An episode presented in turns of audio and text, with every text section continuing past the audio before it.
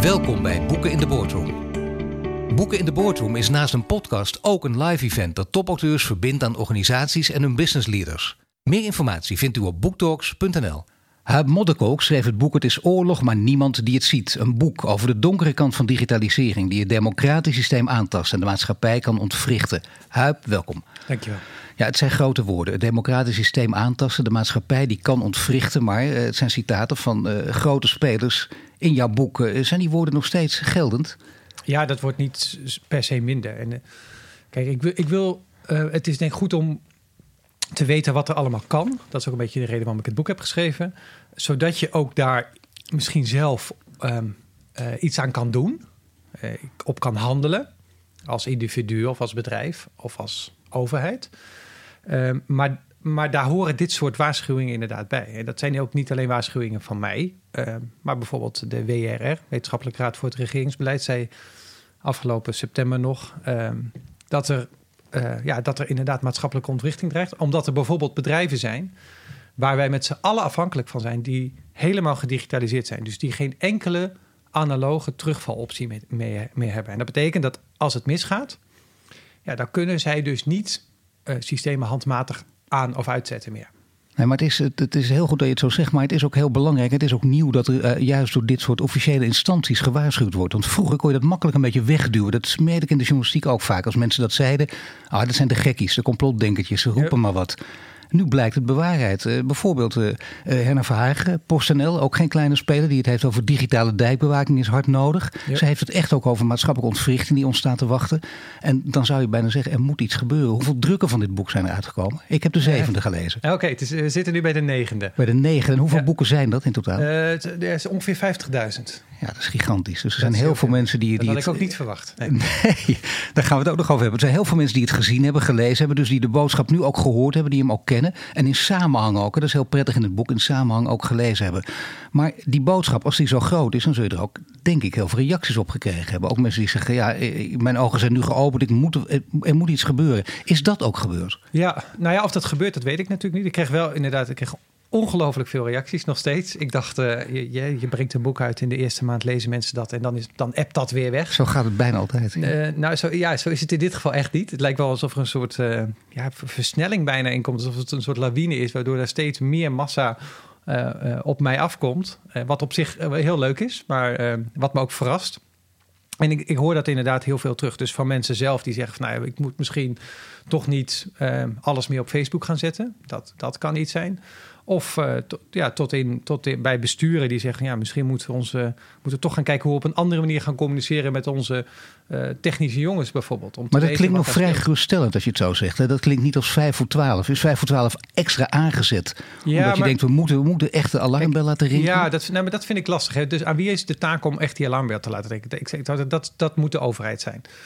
Um, of of bij, bij grote bedrijven. Nou, ik denk dat bij de, de echt grote bedrijven dat daar het besef al veel langer doorgedrongen is. Dat dit, een, dat dit en dit, dit is dan digitalisering ook een risico kan zijn. Want dat is het natuurlijk. Um, maar voor het, ja, het grote publiek, daar, daar begint het met de realisatie dat um, digitalisering of wat wij online doen of wat, wat voor data wij weggeven, dat het ook risico's met zich meebrengt. En, en, en, en om die risico's in zicht inzichtelijk te maken, moet je de systemen erachter een beetje kennen. En er is wel eens het gevoel van ja, dat zijn, dat zijn allemaal onzichtbare systemen. Of ja. dat gebeurt allemaal soort van in de lucht. Als ik een, een appje verstuur, dan gaat hij ergens door de lucht naar iemand anders toe. Ja, dat is niet zo. Hij gaat ergens doorheen. Hij gaat door, door fysieke plekken, langs fysieke plekken. Ja, dat, dat betekent dus als je je daar bewust van bent, hè, dan kun je er ook wat aan doen. En dat betekent dus, uh, dat, daar heb je ook een hekel aan, de beschuldigende vinger. Niet altijd de schuldvraag bij één partij leggen, maar bij alles en iedereen, ook bij onszelf als burgers. Wij ja, kunnen ook ik wat denk doen. Dat zelf, want wij zijn daar zelf ook schuldig aan. Hè? Ik, ik, ik zelf ook. We hebben allemaal een soort naïviteit op dit terrein. En, en, en, en hoe komt dat? Om, het, volgens mij ook heel logisch, omdat we uitgaan van het gemak van nieuwe mogelijkheden. Dus bij alles kijken we naar de nieuwe mogelijkheden en het gemak daarvan. Slimme meten bijvoorbeeld. Hè, tien jaar geleden zei de, zei, de, zei de Eerste Kamer van... nou, we, we vinden eigenlijk dat we dat niet verplicht moeten gaan opleggen. Dat is, dat is een stap te ver. Want dan kan uh, de, de energieleverancier of eventueel zelfs de overheid... bij mensen in hun huis gaan meekijken. Dat willen we niet. Nou, inmiddels uh, wordt die overal geïnstalleerd... en in nieuwe huizen zit hij er verplicht in. Dat, dat is een, een van tien jaar. En zo gaat het met heel veel van die dingen. Elektronisch patiëntendossier, maar ook natuurlijk de smartphone die we in ons huis hebben gehaald. Met, met alle mogelijkheden daarbij. Dat betekent dat uh, technologische bedrijven, grote bedrijven, maar ook overheden inmiddels in ons huis zijn gekomen. En dat brengt allerlei risico's met zich mee. Bijvoorbeeld gewoon voor, ja, voor, voor, de, voor liberale waarden. Als, als, uh, kun je, waar kun je nog helemaal vrij zijn? Of um, uh, hoe kun je jezelf helemaal vrij uiten? En, en als je ergens op googelt, wie ziet dat dan eigenlijk? En tot aan erger, ja, dat gedrag is misschien te sturen. Ja, je zou kunnen zeggen, door jouw, boek, door jouw boek krijgen we er meer zicht op in ieder geval. Want het is een ondoorzichtige wereld. En dat was het voor jou ook altijd. En is het misschien nog steeds, want het is heel ingewikkeld. Ja. Misschien wel, ik probeer maar vergelijkingen te trekken. Jij maakt er gelukkig ook een, een, algemene verhandeling van. En veel samenhang zie je ook. Daardoor snap je het vraagstuk ook beter. Maar als ik vergelijkingen tref met bijvoorbeeld de financiële wereld. Met de giftige producten. De grootste economen, met name, hadden dat niet in de gaten, een jaar of 15 in, uh, geleden. En opeens zien ze dat. Kun je dat misschien op dat gebied hiermee vergelijken? Ja, nou in de zin dat wat, wat wij aan het doen zijn, is heel veel systemen aan elkaar aan het knopen. En inderdaad, tot zo'n zo'n uh, tot zo'n weerwaar of tot, tot zo'n spaghetti. Uh, dat het heel moeilijk is, ook voor allerlei grote bedrijven. Nou, neem bijvoorbeeld telecomproviders, om te weten wat er allemaal in hun netwerk speelt.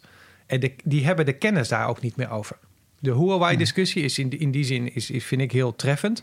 Um, het gaat om hele uh, belangrijke apparaten die in de kern van onze, van onze telecomnetwerken komen. Die zijn van um, buitenlandse partijen. Dus nou, het zou Huawei kunnen zijn, maar het kan ook uh, bijvoorbeeld Ericsson zijn. Ja. Maar in Nederland bestaat niet meer de kennis om te weten wat daar precies gebeurt. Terwijl al onze data daar langs gaan. En dat betekent uiteindelijk voor Nederland, laten we zeggen dat die kennis de komende jaren nog ontbreekt, om wat voor reden dan ook? Wat ja, die zal ontbreken. De, de, de, de, de KPN-medewerkers zijn bijvoorbeeld uh, in 2012 naar China gegaan. Um, op uitnodiging van Huawei, omdat ze zeiden we willen meer van die core routers eigenlijk weten. We willen meer van de achterliggende techniek weten. Nou, dan mochten ze daar twee weken lang in een splik, nieuw gebouw kijken. en na die twee weken zeiden ze ja, we weten ietsje meer, maar we weten nog steeds niet alles. We begrijpen het eigenlijk nog steeds niet. Ja. Met andere woorden, dus ze kunnen het niet weten hoe, hoe dat werkt. En als ze het wel weten, dan komt er een update en dan weten ze het alsnog weer niet. um, dus dat je blijft per definitie achter de, zwaar achter de feiten aanlopen. Ja, dat, en in het dat beste geval. Dat is het. Nou ja, uh, uh, ja dat, is een, dat is een risico. Je zag het ook bij de 1 en 2 storing, die uiteindelijk werd veroorzaakt bij KPN. Ja. Die uiteindelijk werd veroorzaakt door een externe um, softwarepartij, zeg maar. Dus de, de software van een externe partij in het netwerk van KPN gaf een storing. Maar de medewerkers van KPN konden daar niks mee doen. Nee. En dus konden zij het probleem niet oplossen. Nee, en als je het wel kan, dan moet je in ieder geval wel alert zijn. Dat is lang niet iedereen. Hè? Je bent zelfs in je boek ga je zo ver dat je, uh, laten we zeggen, de ICT-mensen van je, van je eigen persgroep, de, de persgroep waar de Volkskrant wordt uitgegeven, waar jij voor schrijft, uh, ook nog een, uh, een reprimande geeft. Hè? Er, er nou gaat een virus rond en ze reageren daar veel te laat op. Oftewel, ze zijn er ja. veel te laconiek mee. Zelfs deze mensen die beter kunnen weten. Ja, en ik denk dat daar wat, wat, wat, wat daar gaat, en dat geldt ook weer in de, in de brede, is dat er toch een gevoel heerst van het gaat mij niet overkomen. Dus inderdaad, ja. er, was een, was een bekende kwetsbaarheid voor, voor, voor Windows. Uh, die was er al eigenlijk best wel lang, een aantal maanden. Uh, er was een update beschikbaar en die werd ook, ook binnen de Volkskrant of bij de persgroep niet doorgevoerd. En toen zelfs bekend werd dat er echt misbruik van werd gemaakt en dat er een virus rondging, inderdaad, wat, wat vrij destructief was. Zelfs toen gebeurde er niks. En zelfs niet bij mensen die beter zouden kunnen weten. En het aardige exact. is, jij beschrijft jezelf ook als, als alfa, die in deze wereld heel beginnend schoolvoedend binnenkwam. Eigenlijk geen idee had waar die, waar die moest beginnen. En langzamerhand is opgeklommen. En dus heeft geprobeerd, alles heeft geprobeerd, alles op alles heeft gezet. Enorme prestatie heb je daarmee geleverd. Ook door echt begrip te, te, te krijgen en het ook nog aan anderen te kunnen vertellen. Nou, ik ben ook een alfa, ook in deze dingen geïnteresseerd. Dus bij mij zit er ook altijd de behoefte om meer te weten. En je ziet hoe lastig het is. En je kijkt naar de mensen die het beter kunnen weten. En je schrikt ervan. Mm -hmm. En dan zeggen die mensen altijd tegen jou blijkbaar ook, tegen mij ook. Vergelijk het met een verkeersweg. Ooit waren de auto's hè, voor het eerst. En daarna moest je regels gaan ontwikkelen. Dat loopt altijd achter elkaar door. Ja. En er gebeurt pas echt iets bij een kruising. Bijvoorbeeld ook. Hè. Het verhaal kennen we allemaal. De gemeente weet het en iedereen weet het. Maar het stoplicht komt er pas na een dodelijk ongeluk. Is dat ook op dat gebied zoals hiermee te vergelijken?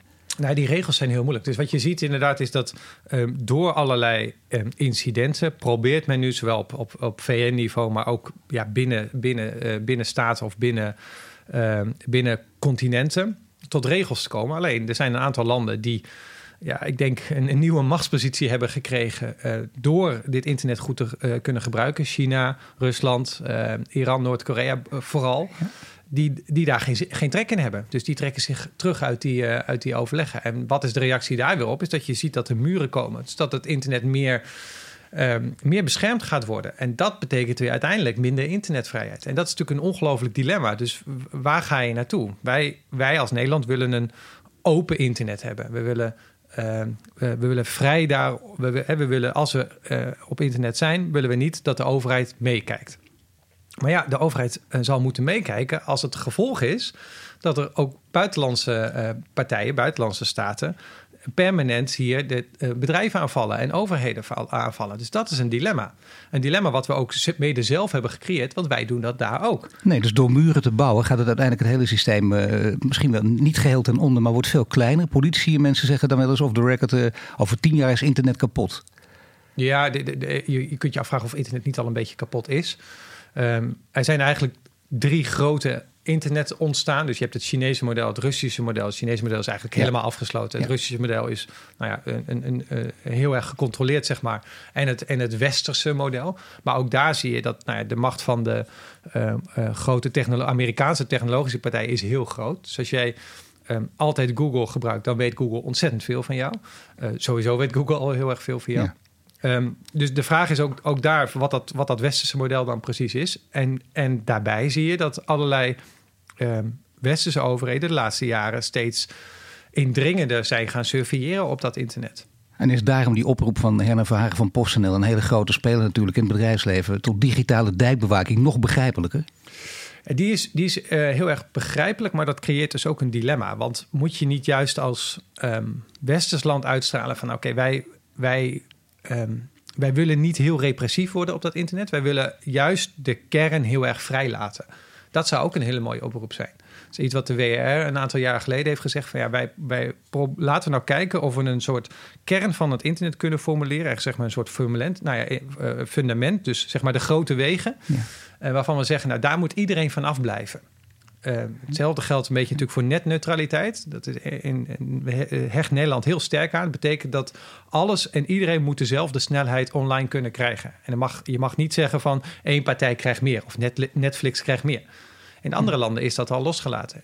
Ik was in, uh, ik was in Azië, daar krijg je bijvoorbeeld als je een, uh, een, een, telefoonabonnement afsluit, dan krijg je bijvoorbeeld gratis er Facebook bij. en voor de rest moet je, ja. moet je betalen. En dat betekent ook dat je snel Facebook krijgt. Ja, dat gaat in Nederland onwenselijk. Nee, dat vinden wij, vinden wij onwenselijk. Vinden wij dat ja. nog onwenselijk? Of is dat, nou, dat, niet te voorspellen? Dit, uh, we houden gelukkig nog vast aan netneutraliteit. Amerika heeft het losgelaten. Ja. Uh, dus ja, dat is, een, dat, is een, uh, dat is een lastige ontwikkeling. Dat is een moeilijke ontwikkeling. Nee, maar daar, daarom zeg ik ook hè, dat nog. Meestal stijgeren wij en doen wij heel stoer en, en doen wij niet mee. Er zijn meer nou, gevallen bekend. Maar hier gaan we dan toch ook dat dit is niet Ja, Nederland heeft wel een, een, redelijk goede reputatie op dat, op, zeg maar, qua internetvrijheid. Alleen, je ziet wel dat, en dat, daar, daar focus ik natuurlijk in mijn boek op. Kijk, als er, als er partijen zijn die als geen ander gebruik of, of misbruik kunnen maken van, van de data die over dat internet zweeft of, of aanwezig is, of, of, of bij bedrijven ligt en, um, en, en niet goed beveiligd is, dan zijn het geheime diensten. Ja. En je ziet ook, en ook daar, nou, we hebben het allemaal het referendum uh, meegemaakt over de sleepwet. Um, dat er een neiging is om ja, meer data te gaan verzamelen. Um, die neiging is op zich heel logisch, want de bedreigingen worden serieuzer. Privacy is een non-issue, roepen ze dan ook bij de MIVD en de, uh, de AIVD? Ja, omdat zij zeggen van ja, wij, wij, wij proberen hier echt uh, uh, Nederland te beschermen. En dat doen we niet door Nederlanders per se in de gaten te houden, maar juist veel te richten op nou, wat komt er van, van buiten hier naar binnen. En ze vinden het allemaal nare belemmeringen, dus die privacy.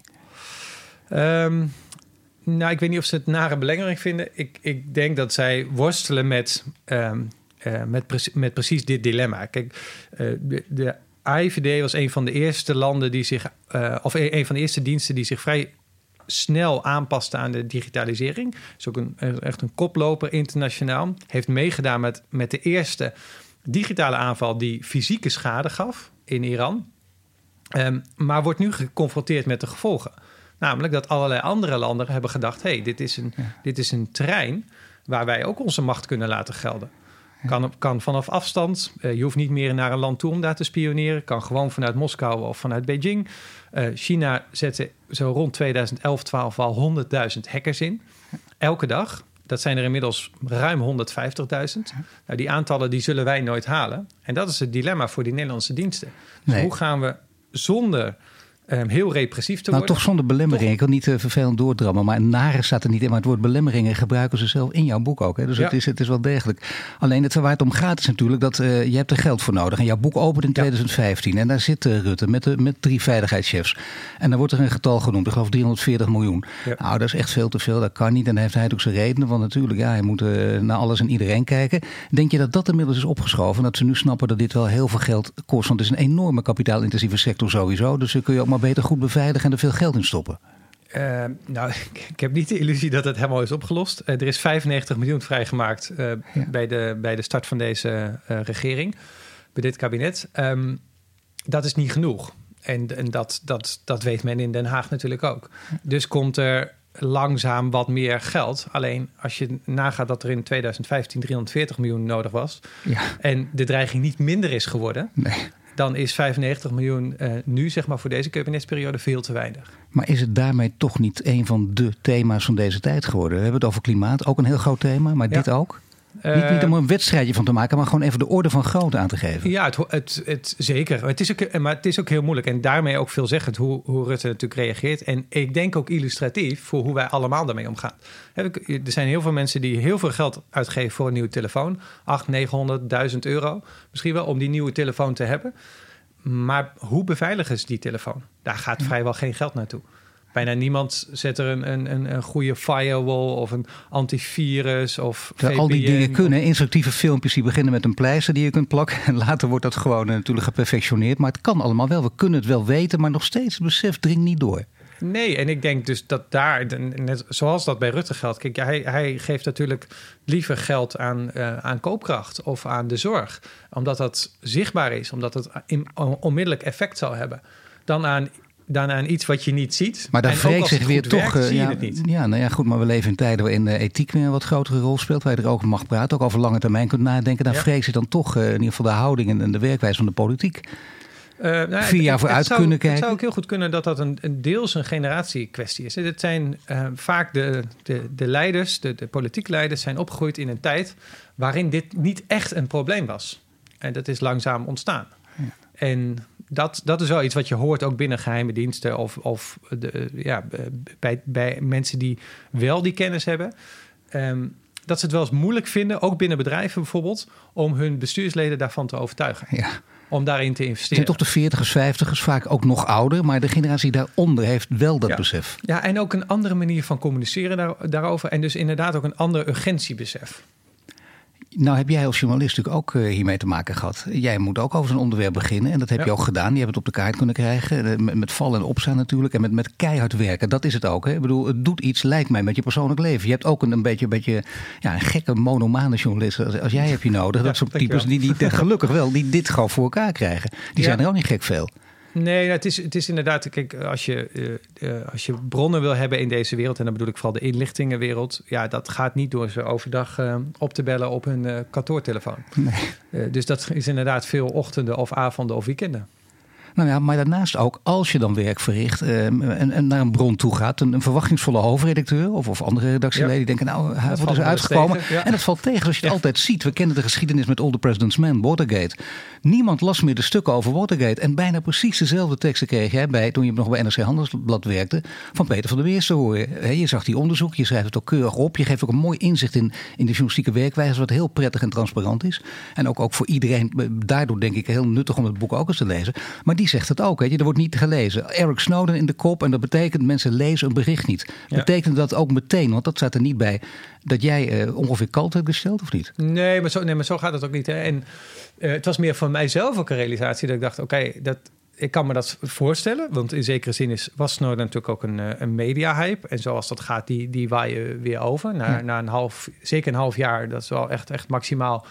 Dan zakt de aandacht daarvoor weg. Dus ik moet ook duidelijk maken waarom dit thema breder is dan Edward Snowden. En ik moet ook zelf verder gaan naar dan alleen die documenten van hem. Ik moet gaan, ja, gaan. En dat was voor mij niet heel moeilijk, want bij mij, daar is gewoon mijn verbazing begonnen.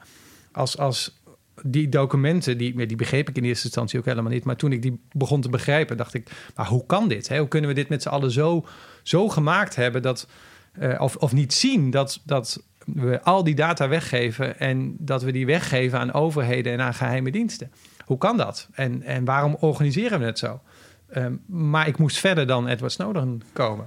Ja, tuurlijk. Maar de krant gaf je daar ook, NRC Handelsblad gaf je ook voldoende gelegenheid? Ja hoor, zeker. En zowel NRC als de Volkskrant geven mij... Uh, ik, ik, ik ben er wel eens verbaasd over... maar ze geven ontzettend veel vertrouwen en de ruimte om dit uit te zoeken. Het is, het is vrij intensief, tijdsintensief. Het levert niet altijd wat op. Het is frustrerend. Uh, ik ga ook volgende week weer uh, naar het buitenland, bijna op de Bonnefoy. En dat wordt allemaal gesteund. Ik zou bijna zeggen, het belang dus van traditionele media wordt dat vaak onderschat. Hè? Maar kijk maar eens, uh, hoe meer, hoe meer plekken, hoeveel plekken hebben we nog waar dit gebeurt? Er zijn er niet zo gek veel. Het gebeurt bij deze kranten, het gebeurt bij Nieuwsuur. Ja, ik ben niet zo heel negatief over de kwaliteit van onderzoeksjournalistiek hoor. Ik vind dat er heel veel goede onderzoeksjournalistiek is. RTL, Nieuwsuur, NOS heeft ook een aantal onderzoeksjournalisten. Inderdaad, bij, verschillende kranten Ehm, dus, en er zijn natuurlijk ook nog wat uh, online initiatieven. Follow the Money, Investico. De Groene heeft, een, uh, heeft daar ook oog voor. Dus ik ben daar helemaal niet negatief over. Ik denk juist dat er wel een tendens is om... Er is heel veel nieuws.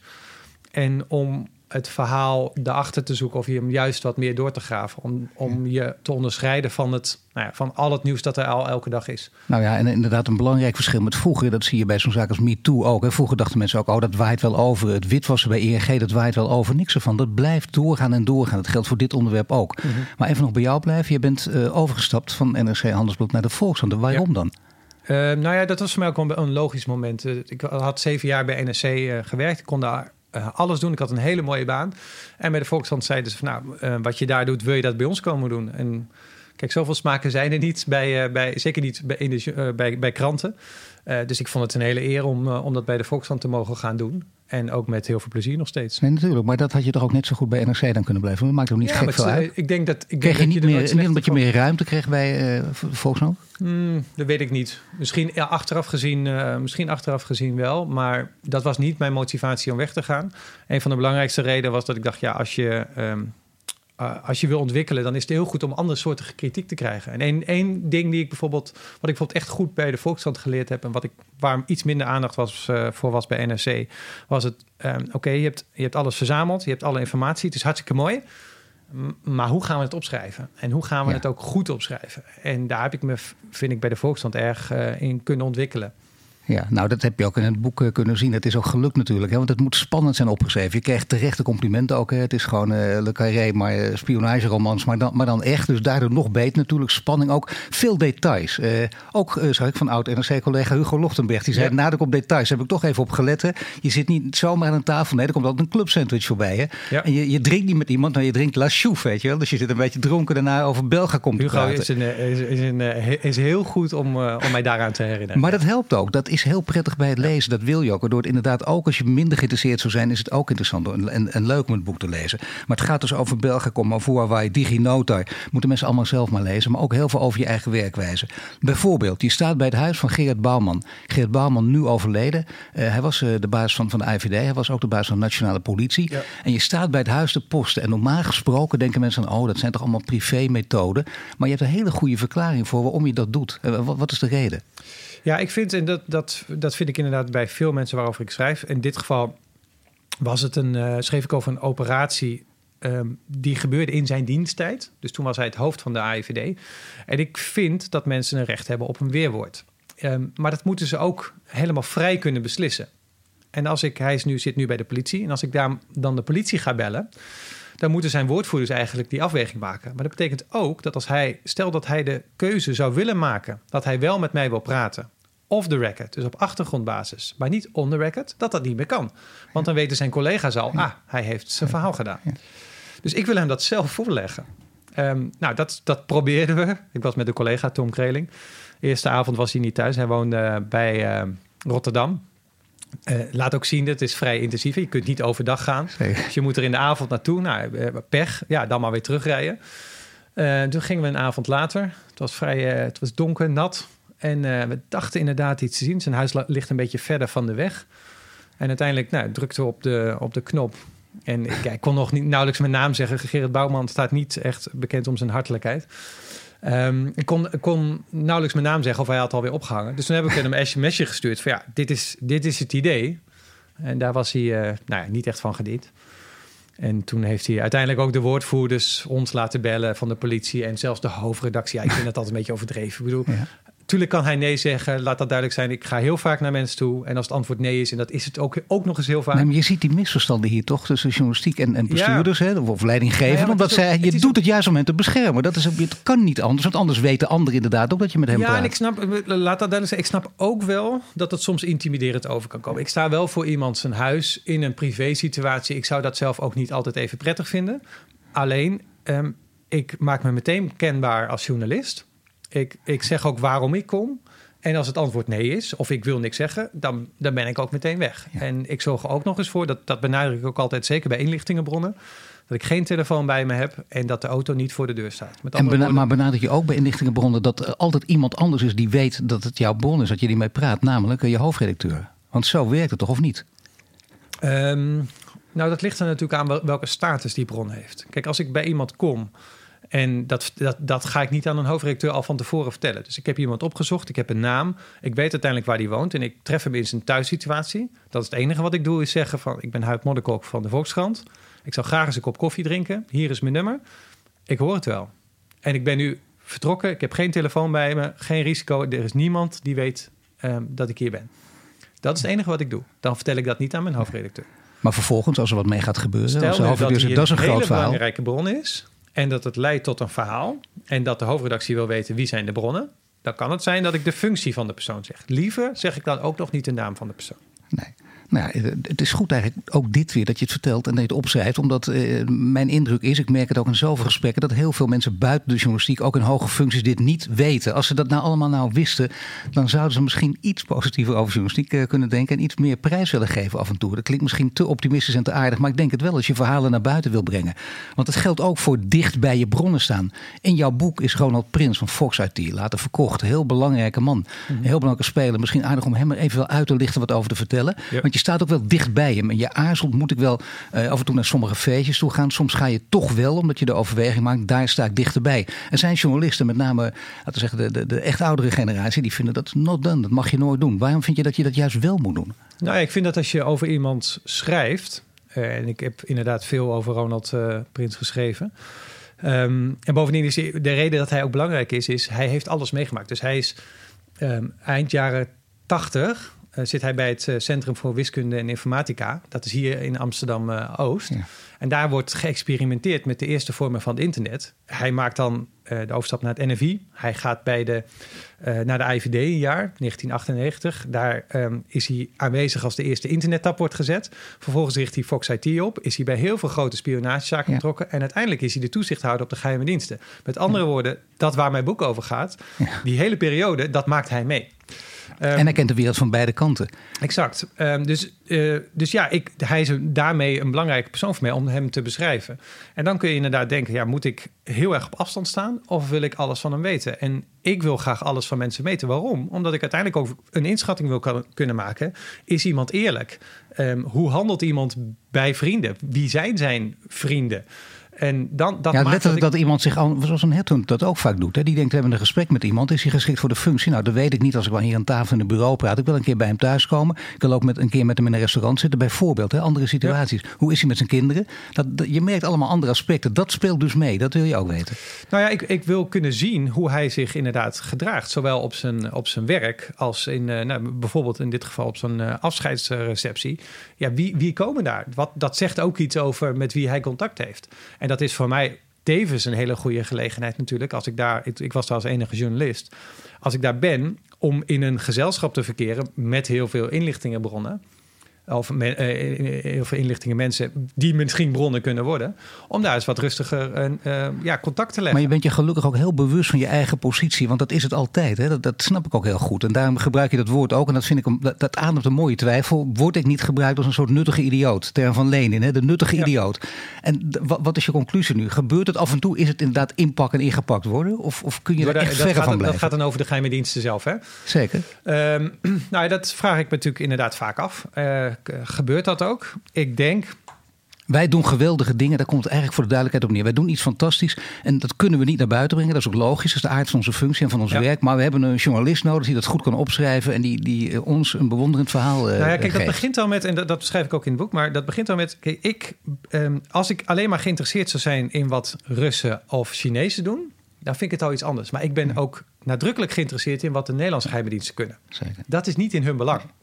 Dat, dat is, zij mogen daar niet over praten. En zij willen daar ook echt niet over praten. Waarom niet? Omdat dat geeft iets van hun werkwijze weer. En dat maakt ze kwetsbaar.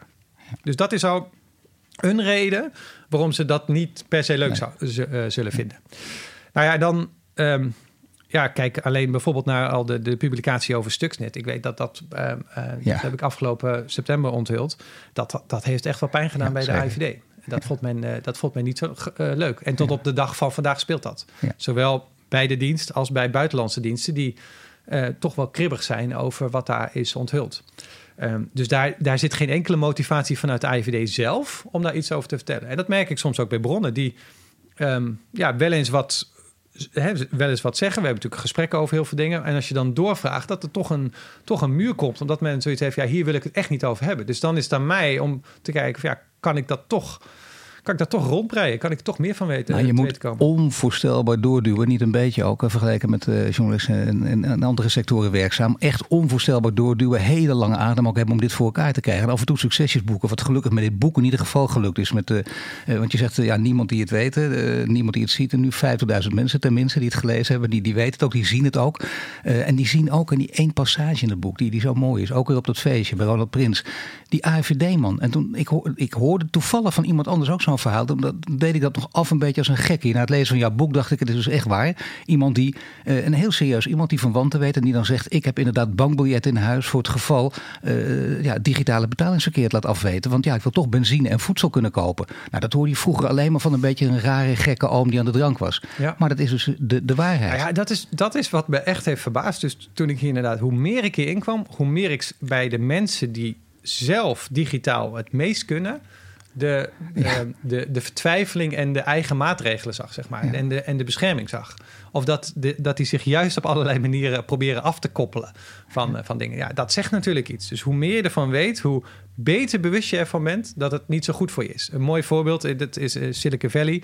Dus de kinderen van, of één of twee, ik weet niet hoeveel kinderen die heeft, uh, Mark Zuckerberg die laat hij opgroeien zonder Facebook en zonder smartphone. Omdat hij natuurlijk weet wat de impact daarvan is. Ja. Maar dat zegt iets. Als je, zeker als je zoiets neerzet als sociaal middel, of sociaal medium. En je zegt tegen je eigen kind van nou, daar moet je verre van blijven. Nee, ik kan deze vraag niet laten liggen. Geldt het voor jou in je gezinsleven ook? Dat het leven er echt compleet anders uitziet? Sinds je met eh, deze materie bezig nou, bent? Ik doe nooit uitspraak over mijn gezinsleven. Maar um, ik kan voor mezelf als ik. Maar wacht, je doet er geen uitspraken over omdat dat gevaarlijk te bedreigend zou zijn? Ja, dat is ook niet handig om daar iets over te zeggen. Ehm, wat, ik, wat ik wel zeg, kijk, ik, uh, uh, waar, waar ik iets over kan zeggen, is dat ik natuurlijk in de loop der jaren uh, probeer om de broninformatie in ieder geval te beschermen. En als je weet hoe je dat moet doen, en, en hoe moeilijk dat uiteindelijk is, dus Ehm, met andere woorden, ja, dat je welke informatie waar te bereiken is via internet, dan moet je best wel ja, flinke stappen nemen. En dat maakt mijn werk zo gedurende de jaren wel steeds moeilijker. Dus als, je, als ik ergens ben en ik spreek af met een bron, dan vraag ik me wel eens af: ja, is het handig als ik pin? Terwijl heel veel restaurants zijn die niet eens meer cash toestaan. Ja. Maar dat betekent dus dat altijd te achterhalen is dat ik daar ben geweest. Um, als ik met de auto daar naartoe ga, betekent ook dat te achterhalen is dat ik daar met de auto kwam. Want er staan overal kentekencamera's. Maar dat betekent ook dat als die bron met de auto komt, hetzelfde geldt. Ja, ik vind het logisch. Het, het, is, het is lastig en gecompliceerd, maar in deze wereld zul je daar toch op moeten letten. Constant rekening mee ja, maar moeten het Laat ook, dus als je erop gaat letten, dat wilde ik eigenlijk zeggen. Als je erop gaat letten, dan kom je erachter hoe extreem het kan zijn. Ja. Het is extreem, maar je hebt het je wel eigen gemaakt, deze extreme manier van denken? Nou ja, ik, heb, uh, ja, ik probeer daar een omgang in te vinden. En die zal, die zal niet perfect zijn. Maar die hopelijk, nou ja, ik, ik ga ervan uit dat het goed genoeg is om in ieder geval ehm, de bronnen zo goed mogelijk te beschermen. Het is niet zo dat je denkt, uh, na al deze verhalen gehoord en gelezen te hebben, het dreigt een, apok een apocalyptisch verhaal. Dat wordt mijn volgende boek, want het is, het is te groot, het is te erg. En te Ehm. veel belangrijke bronnen gebruiken nu taal die wij niet eens in krantenkoppen zouden durven gebruiken, bij wijze van spreken. Ja, nee, dat niet. Maar ik denk wel dat er... eh, er gaan nog een paar, een paar hele... eh, Kijk, Citrix en de eh, Universiteit van... Dat is eigenlijk nog steeds relatief overzichtelijk. Ja. Er gaan nog een aantal keer een hele grote ehm eh, hack komen... of een serieuzer geval komen. En de vraag is alleen... eh, er moet een motivatie zijn voor bepaalde landen om het te doen. Het kan. Het kan nu al. Maar die, die motivatie moet er zijn. En als die er is, dan zal het gebeuren. Nou ja, 2018 grote kan toch bijna niet dat de minister van Defensie roept... eh, we zijn in oorlog met Rusland. En daar werden daarna weer grappige badinerende kolompjes over geschreven. Maar dat was niet eens zo'n rare opmerking. N- Nee, nee, ik vind dat ook geen rare opmerking. Als je weet wat er, dat er ehm, elke dag pogingen zijn om, nou ja, niet alleen ministeries, gemeenten, maar ook allerlei bedrijven binnen te komen. Elke dag een hele serieuze pogingen. Ja, dat is een vorm van oorlog. Daarom heb ik het boek geschreven. Goed, wake-up call en gelukkig ga je door, hè? Ik ga zeker door. Oké, dankjewel. Huib Modderkolk. Hij schreef, het is oorlog, maar niemand die het ziet. Boeken in de Boardroom is naast een podcast ook een live event... dat topauteurs verbindt aan organisaties en hun business leaders. Het programma is inpasbaar binnen opleidingstrajecten, HRM of evenementen. Meer informatie vindt u op booktalks.nl.